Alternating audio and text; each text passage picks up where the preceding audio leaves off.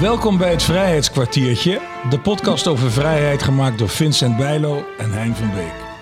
Praten over vrijheid is in een tijd waarin die vrijheid van veel kanten onder druk staat, heel erg belangrijk.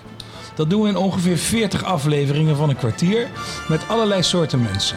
Kunstenaars, wetenschappers, veteranen, journalisten, tentoonstellingsmakers, militairen.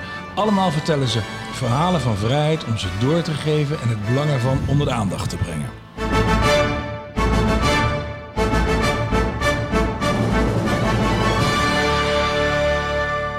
We praten met Patricia Dashorst. Patricia is werkzaam als psychiater en systeemtherapeut bij ARC Centrum 45, het landelijke expertisecentrum voor diagnostiek en behandeling van complexe psychotraumaklachten. ARC richt zich onder meer op mensen die door hun werk getraumatiseerd zijn, zoals veteranen, politiemedewerkers, ambulancepersoneel, brandweerlieden en journalisten. Daarnaast behandelt ARC Centrum 45 overlevenden van de Tweede Wereldoorlog en hun nabestaanden, slachtoffers en daders, vluchtelingen, kinderen, jeugdigen, gezinnen en slachtoffers van seksueel geweld. Patiënten hebben vaak een combinatie van psychische klachten of stoornissen, waarvan PTSS, posttraumatische stressstoornis, de meest bekende is. In november 2023 promoveerde Patricia aan de Rijksuniversiteit Groningen. De titel van haar proefschrift is Unraveling Intrusions. Ja, daar gaan we het straks over hebben, over die in, intrusions, unraveling intrusions. Maar laten we eerst even, uh, Patricia, jij bent uh, overigens, wij zitten hier in de, in de Gandhi te Wageningen in Hotel De Wereld. Dit is, alle kamers zijn hier vernoemd naar vrijheidsstrijders. En we hebben een verbinding gelegd via Zoom. Doet hij het? Ja, die doet het. Ja, die doet Ik het. hoor jullie in ieder geval goed. Wij horen jou ook uitstekend. Uh, jij bent systeemtherapeut. Wat houdt dat in? Systeemtherapeut is een relatie- en gezinstherapeut. Maar er zijn natuurlijk ook andere uh, systemen, uh, werksystemen, bedrijven. Uh, nou, we leven allemaal in een systeem. Elke gemeenschap is een systeem. Dus Ja. je kan. Maar de systeemtherapie richt zich met name op relaties in, binnen partnerrelaties en gezinnen. En, en jij, wat, wat Hein uh, in de inleiding zei, jij behandelt uh, nabestaande oorlogsslachtoffers uh, in, in Ja. diverse generaties ook natuurlijk. Ja, ja, klopt.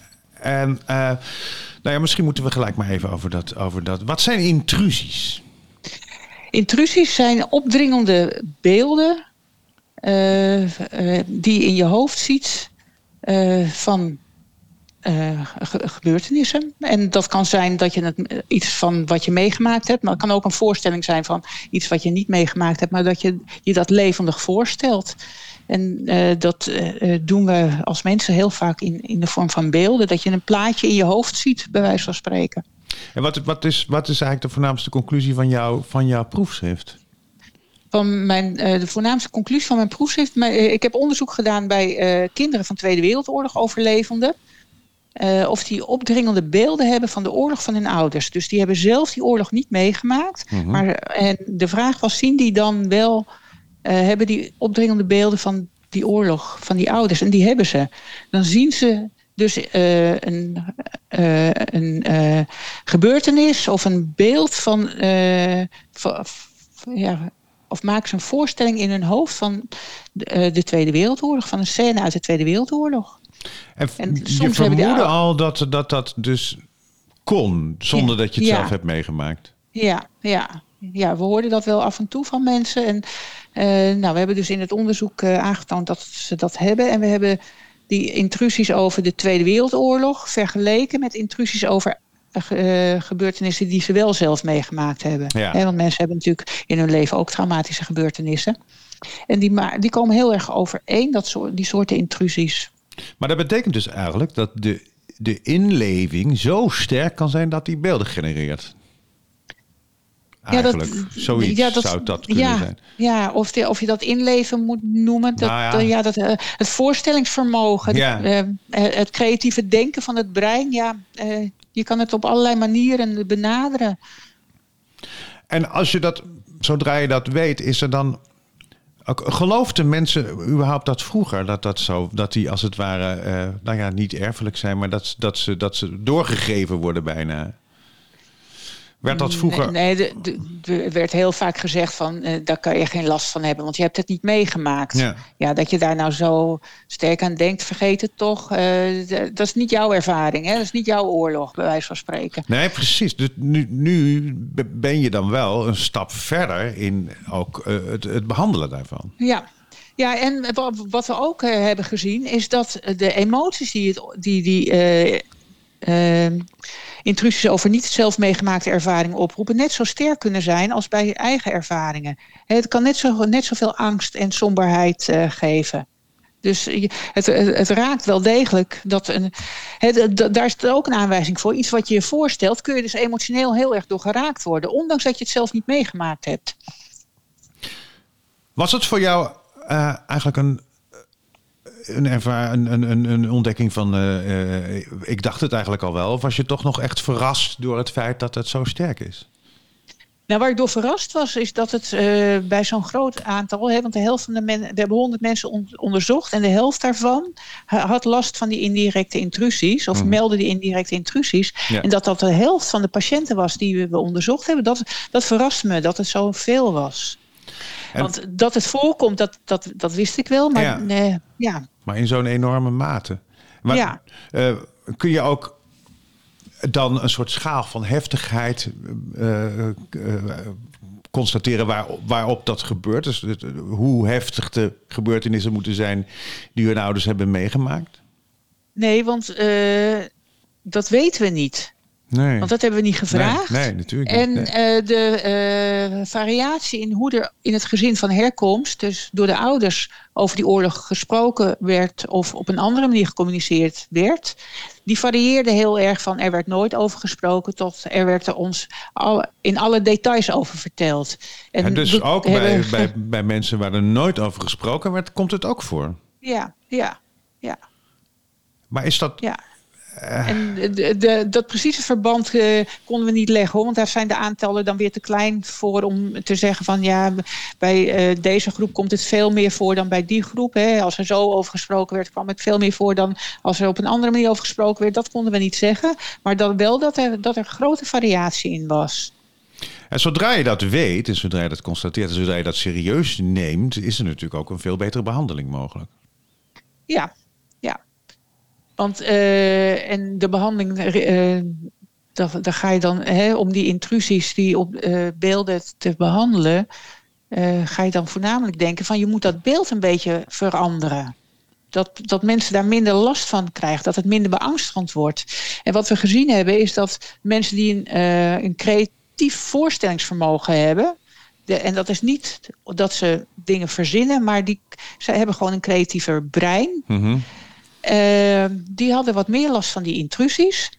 En we weten ook dat bij imaginaire rescripting mensen die uh, creatief zijn in hun voorstellingsvermogen, daar meer aan die behandelvorm, uh, van die behandelvorm profijt kunnen hebben. Dus dat wat, wat in hun, hun nadeel zegt, is in het, in het ontstaan van die intrusies, kan ook een voordeel zijn bij de behandeling. Dus dan ga je met hen uh, imaginair een, ander, een andere wending aan het verhaal geven wat ze zich voorstellen.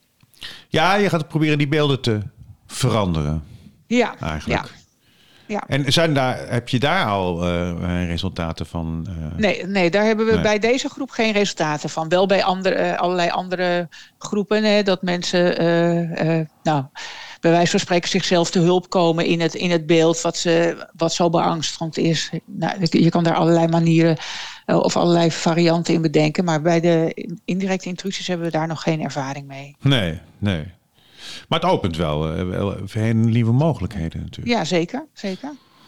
En het, geeft een, het is wel een wezenlijk andere, belang, andere behandeling dan degene die het echt hebben meegemaakt. Natuurlijk. Ja, ja je, moet, je moet wel voor ogen blijven houden, uh, samen met, de patiënt, dat het uh, echt iets is wat ze niet zelf meegemaakt hebben.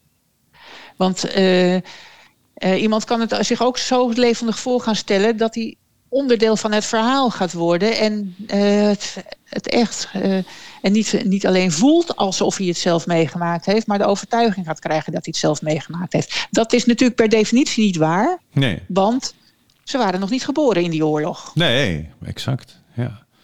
Dus dat is wel altijd iets waar, waar je met de patiënt ook uh, nou, goed bij stil moet staan. Dat het iets, dus iets is wat in hun fantasie ontstaat. Of in hun, nou ja, fantasie is, heeft een beetje een negatieve connotatie, maar ik bedoel het niet als uh, negatief, maar in hun creativiteit ontstaat. Ja, nee, precies. En jij was bij de promotie, hè? Ik was er zeker, ja. Hoe, hoe, wat, wat hoorde jij ervan op? Ik vond het uh, ja, bijzonder om, om te horen. En ik, ik was daar eigenlijk met twee redenen. Eén om uh, kennis te nemen van, van, het, van het onderzoek. En Patricia heeft het rapport, of het rapport, sorry, je proefschrift uh, ook ingestuurd. En ik ken een aantal mensen die ook in het verleden toch wel een, een, een nare jeugd hebben gehad door de Tweede Wereldoorlog. En het geeft allemaal wel een plek. En dat vond ik juist zo ontzettend belangrijk om dit mee te maken en Patricia te leren kennen. Ja, zeker. Dat, dat, dat is mooi. En um, je kunt dit ook natuurlijk, Patricia, uh, um, mm -hmm. doortrekken naar mensen die nu uh, uh, verschrikkelijke dingen meemaken. Oorlogen meemaken, kinderen van mensen die oorlogen ja. meemaken. Zeker, zeker. Ja. Dus dat, dat is, de, is ook bijna een van de laatste zinnen van mijn proefschrift. Dat we zeker aandacht moeten hebben aan uh, de uh, getroffenen van de huidige oorlogen en de kinderen die daarna geboren zijn. De, dus na die oorlogen geboren zijn. Want ja, ze, een deel daarvan gaat daar last van krijgen. En een deel ook niet. Hè? Er zijn, we moeten uh, ook niet vergeten dat de mensen die ik onderzocht heb... en de mensen die bij ons Centrum 45 in behandeling zijn... mensen zijn die last hebben. Maar er is ook een heel groot deel van de bevolking... die ook die verschrikkingen meemaakt en daar niet zodanig last van heeft dat ze uh, behandeling in de geestelijke gezondheidszorg zoeken. Dus uh, nou, we moeten ook uh, niet vergeten dat mensen er ook bewonderenswaardig ongeschonden uit tevoorschijn kunnen komen. Dat kan ook. En dat, dat, is, ook, dat is natuurlijk ook niet altijd te verklaren hoe dat nou nee. weer komt. Nee. Is, is, die, is jou, is, zijn jouw bevindingen nog op jouw vakgebied op de een of andere manier omstreden of niet? Uh, in die zin, uh, op, op zich die intrusie is niet omstreden, maar wel omstreden van hoeveel uh, gevolgen kunnen na de oorlog geboren kinderen nou hebben van die oorlog van hun ouders. Ze hebben hem niet meegemaakt. En geleidelijk aan gaan we daar meer van weten en zien we dat er intergenerationele gevolgen zijn. Dus dat, dat, dat wat je meemaakt in je gezin van herkomst heeft sowieso invloed op hoe je opgroeit als, uh, als kind en hoe je je ontwikkelt als volwassene. Dat is niet alleen voor oorlogsgetroffenen, maar dat is in, in elk gezin, in elke familie. En neem je je familiegeschiedenis mee en die heeft invloed op hoe je je ontwikkelt. Uh, en die oorlog is daar natuurlijk een hele specifieke omstandigheid in. En in de jaren negentig is onderzoek gedaan naar, in, onder de algemene bevolking.